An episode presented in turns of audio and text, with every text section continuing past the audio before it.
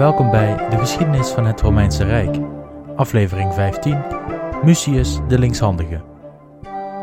De vorige aflevering zagen we hoe koning Porsenna de gouden gelegenheid om Rome te veroveren liet liggen. De brug welke de Etrusken toegang moest verschaffen tot het hart van Rome, werd door een heldendaad van Horatius de Eenoogige net op tijd verwoest. Rome was voor die dag veilig, maar de echte problemen moesten nog beginnen.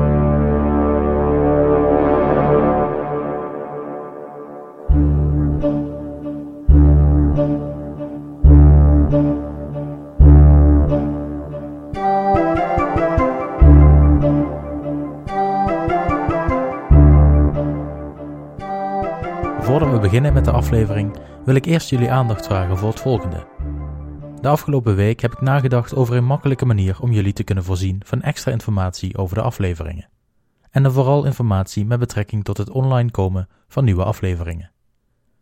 Ik heb daarom de afgelopen dagen gewerkt aan het opzetten van een Facebookpagina voor de podcast.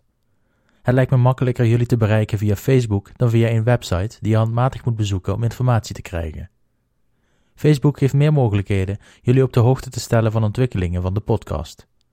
De website blijft bestaan in zijn huidige vorm en zal vooral dienen als archief voor alle extra informatie gesorteerd per aflevering. Facebook zal dienen als aankondigingsplatform met korte previews van de te komen aflevering. En ik wil het gebruiken voor interessante stukken tekst waarvan ik denk dat ook jullie dit interessant zullen vinden. Dus voor wie op de hoogte wil blijven van de ontwikkelingen van de podcast, Ga naar Facebook en zoek simpelweg naar de geschiedenis van het Romeinse Rijk. Einde van het huishoudelijke bericht. Terug naar het jaar 508 voor Christus. Koning Porsenna had zijn gouden gelegenheid om de stad in één gevecht in te nemen aan zich voorbij zien gaan. De Romeinen zaten veilig achter hun stadsmuren en de rivier de Tiber stroomde tussen de Etrusken en hun doel. Porsenna besloot zijn tactiek aan te passen aan de situatie.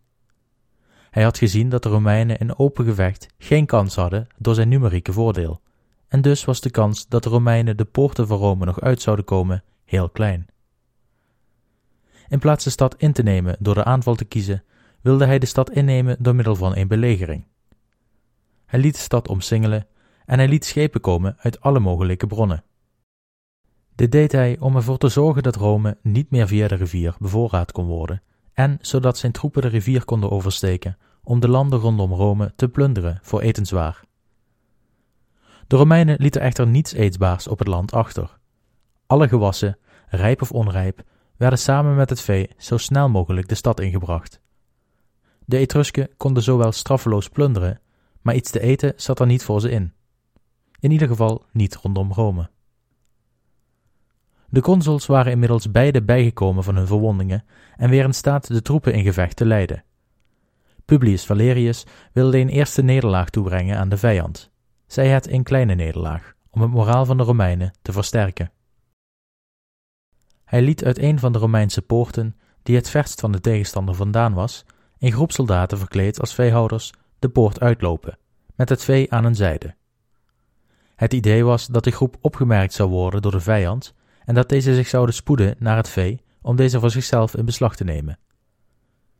Uit een andere poort, enigszins buiten het zicht van de tegenstander, liet Valerius een kleine groep mannen zich verdekt opstellen, net buiten de poort.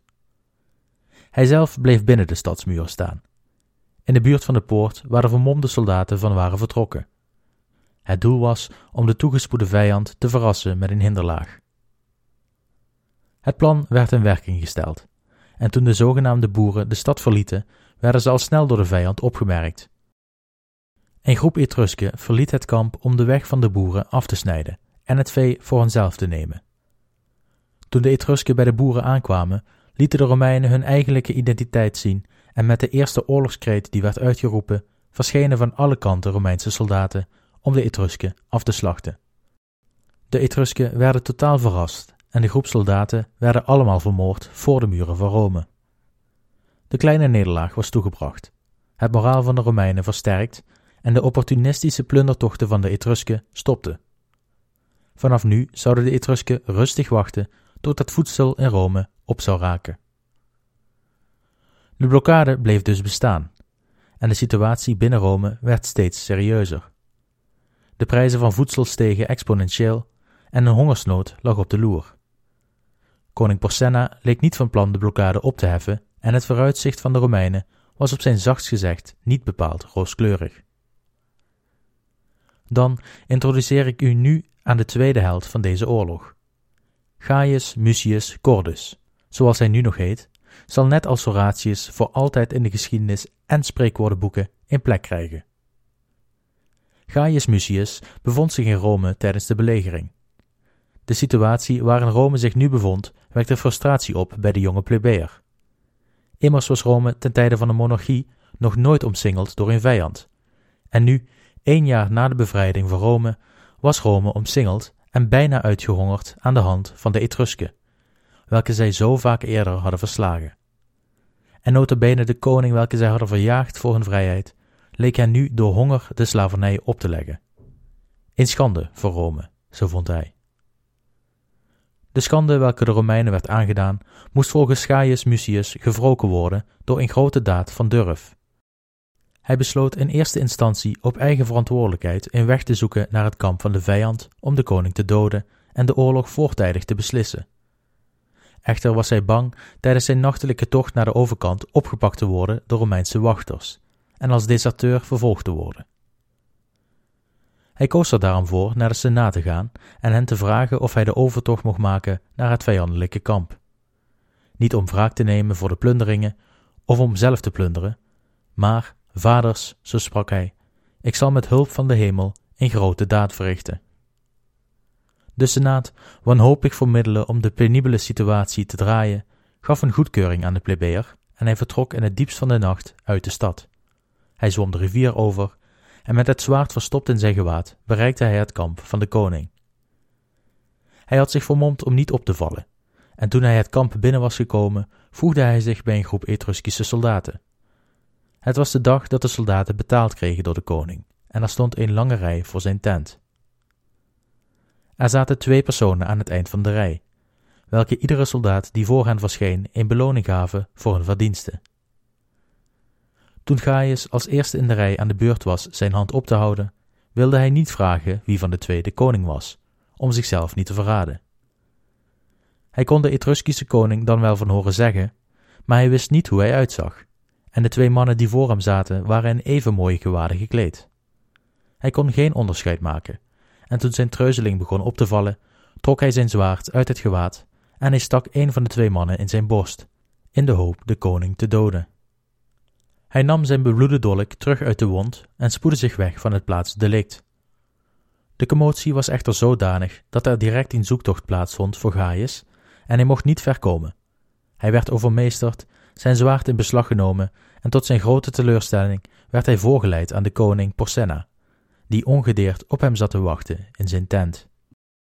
Hier, alleen en hulpeloos, in het grootste gevaar, was Gaius nog steeds in staat meer angst op te roepen bij zijn vijanden dan dat hij zelf voelde.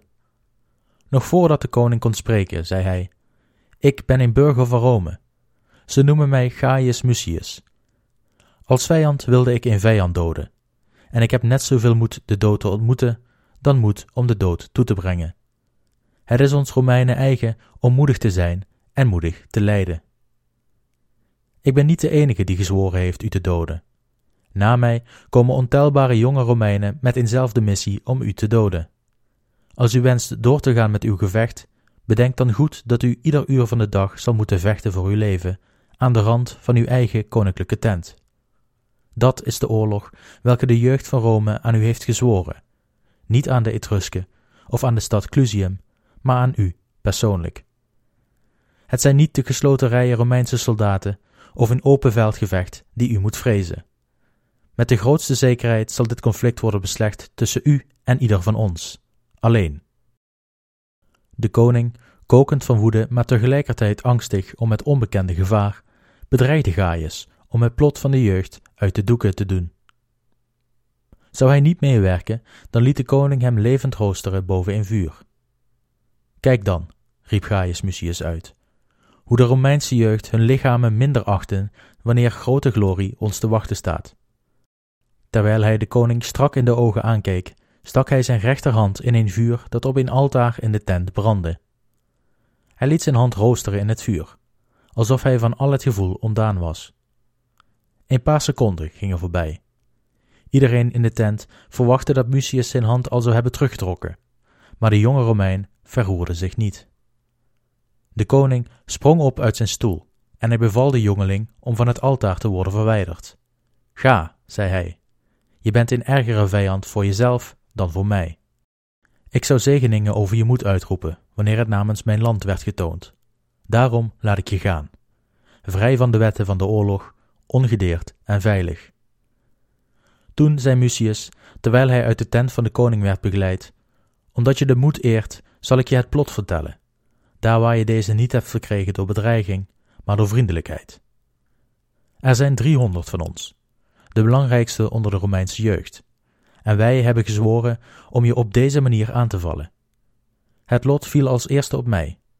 De rest zal in de volgorde van het lot eenzelfde poging wagen u te vermoorden, totdat het lot ons gunstig gestemd is. Gaius Mucius werd vrijgelaten en droeg sindsdien zijn bijnaam Scavola, wat de linkshandige betekent. Bij zijn terugtocht naar Rome werd hij vergezeld door een aantal Etruskische gezanten.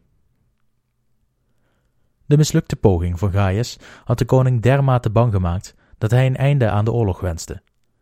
Het was de nauwe ontsnapping van de koning aan de dood, die alleen te danken was aan een fout van zijn belager, dat de doorslag gaf. Het vooruitzicht dat hij zoveel aanvallen moest ondergaan van een vijand welke hij niet kon zien, bracht hem tot de conclusie dat de troon van Superbus zijn eigen dood niet waard was. De gezanten verschenen voor de Senaat, en in eerste instantie eisten zij de herinstelling van de monarchie en de Tarquiniërs. Dit was echter een verzoek dat alleen maar werd gedaan op aandringen van Superbus zelf, niet omdat men dacht dat de Romeinen daadwerkelijk zouden accepteren. De Romeinen wezen de eis dan ook resoluut van de hand. Toen kwam het eigenlijke voorstel van Porsenna naar voren. Hij wilde dat alle veroverde landen, welke behoorden aan de stad Veii, aan hen teruggegeven zouden worden. De Romeinen accepteerden de voorwaarden en de blokkade werd opgeheven. Rome was door het oog van de naald gekropen, en de vrijheid der Romeinen was te danken aan Horatius de Eenoogige en Gaius Mucius de Linkshandige. Aan Horatius Cocles werd een standbeeld gewijd aan de monding van de Pons Sublicius, om zijn heldendaad voor eeuwig te herinneren. Zijn combinatie van woorden wordt tot op de dag van vandaag nog gebruikt wanneer we iets willen benoemen dat koste wat het kost vernietigd moet worden, namelijk te vuur en te zwaard. Gaius Mucius Cavola werd voor zijn daad beloond met een groot stuk land aan de Etrurische zijde van de Tiber, nabij de plek waar het kamp van koning Porsenna had gestaan. Het stuk land zou later bekend komen te staan als de Mucische velden. Ook hij heeft ons mensheid een spreekwoord gegeven, namelijk ergens de hand voor in het vuur steken. Nu we het verhaal zoals deze beschreven wordt in de Romeinse legende hebben gehad, wil ik ook even het verhaal in een bredere historische context weergeven. Buiten dat het Romeinse verhaal zeer interessant en spannend is, spreken de niet-Romeinse bronnen over een heel ander verloop van het gevecht. Het is namelijk zo dat andere niet-Romeinse bronnen een verhaal vertellen dat anders en waarschijnlijker is dan die door de Romeinen verteld. In deze versie van de geschiedenis wordt Rome in de beginjaren van de Republiek veroverd door Porsenna en installeert hij een satellietregering. Deze versie van de geschiedenis is zeker aannemelijk, omdat in de tijd waar we over spreken de stad Clusium een stuk groter, machtiger en rijker was dan Rome, en de Romeinen zouden geen kans hebben gehad tegen de grotere en sterkere legers van Porsenna. De reden voor Porsenna's verovering zou niet liggen aan het melodramatische verhaal over Superbus, die Rome wilde onderwerpen aan zijn heerschappij. Porsenna, welke een figuur is waarvan we kunnen bevestigen dat hij daadwerkelijk heeft bestaan, werkte niet uit solidariteit voor Superbus, waarvan onzeker is of hij überhaupt heeft bestaan. Sterker nog, in aflevering 13 vertelde ik dat de stichting van de Republiek wel heel toevallig net één jaar voor een ander historisch moment had plaatsgevonden.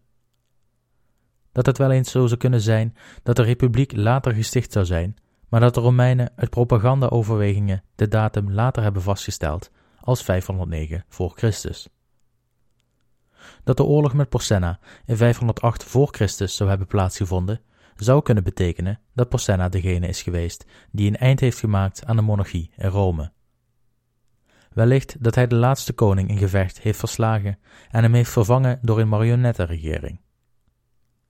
Deze verklaring is niet zomaar uit de lucht gegrepen, zoals ik zo meteen zal toelichten. Het kan worden gestaafd met ontwikkelingen die plaatsvonden ten zuiden van Rome.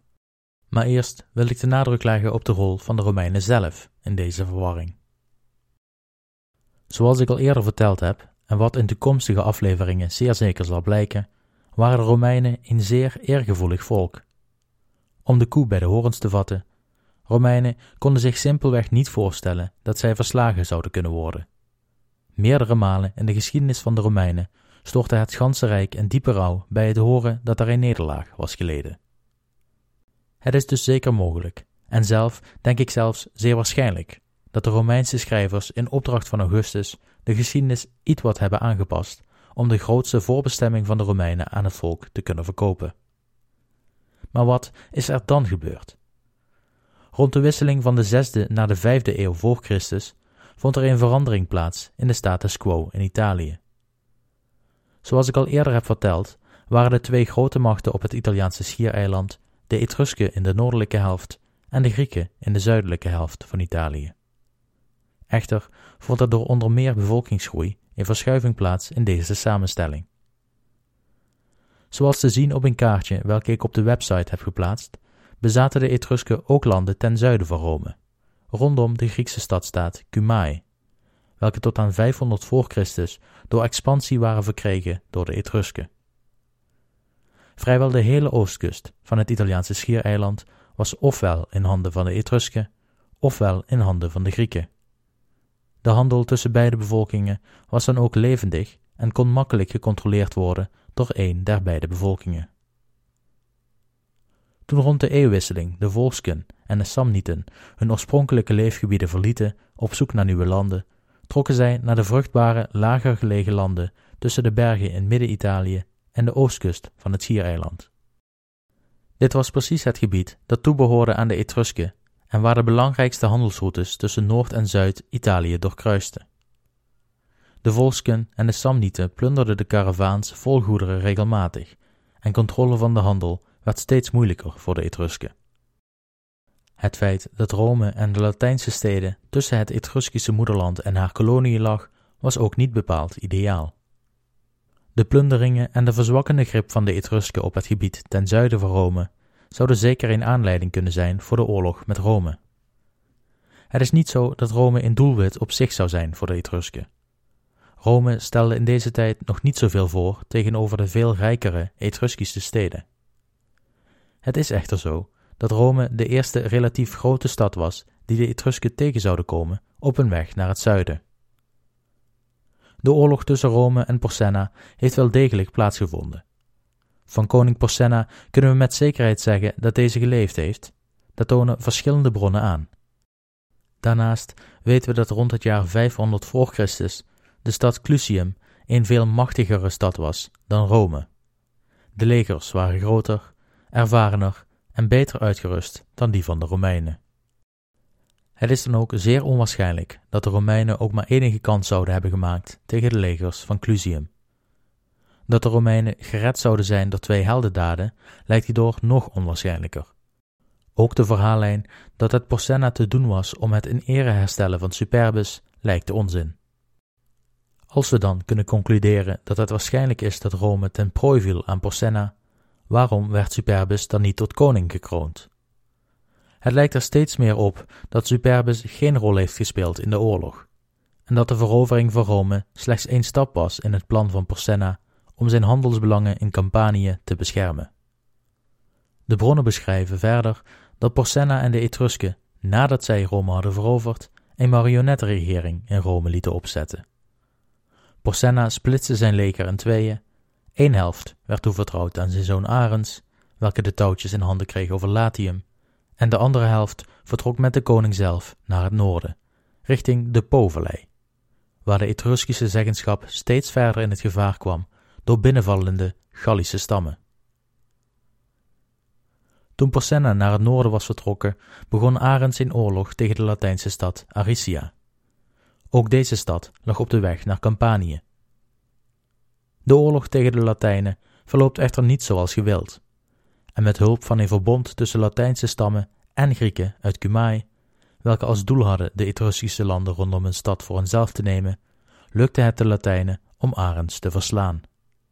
De Etrusken leden in nederlaag en waren gedwongen hun campagne af te blazen. Rome zou in deze periode haar kans hebben gegrepen om zichzelf onafhankelijk te verklaren van de Etrusken, en zo ontstond de Republiek. Voor de duidelijkheid, de informatie die ik de laatste minuten heb verteld, wil ik als kanttekening vermelden bij het eigenlijke verhaal dat ik wil vertellen, namelijk de glorieuze Romeinse geschiedenis. Mijn bronnen zijn overwegend Romeins en een ongewenste bijkomstigheid hiervan is dat de feiten niet altijd juist zijn. Daar waar nodig zal ik wat extra informatie vertellen over het onderwerp dat besproken wordt. Ik zal uiteraard proberen om de geschiedenis zo accuraat mogelijk aan jullie over te brengen. Maar het Romeinse perspectief zal altijd de rode draad vormen. Tijdens de volgende aflevering zullen we de rode draad dan ook weer oppakken bij een Rome dat niet is veroverd door Porsenna. We volgen Livius in zijn verhaal en zullen terechtkomen bij de oorlogen welke volgen met de Sabijnen en de Latijnen.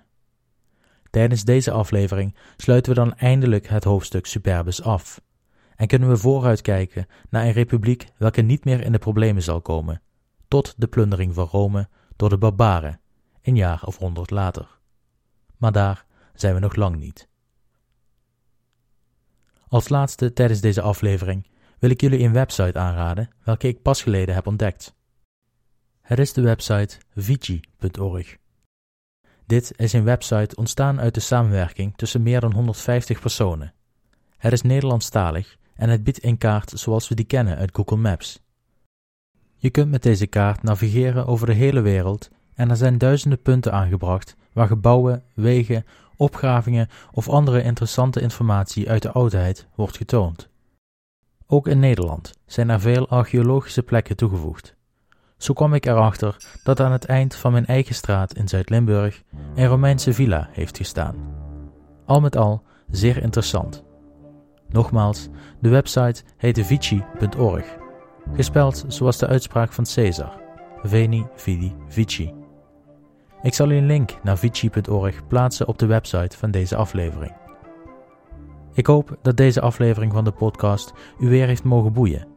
Bedankt voor het luisteren, volg de Facebookpagina en tot de volgende keer.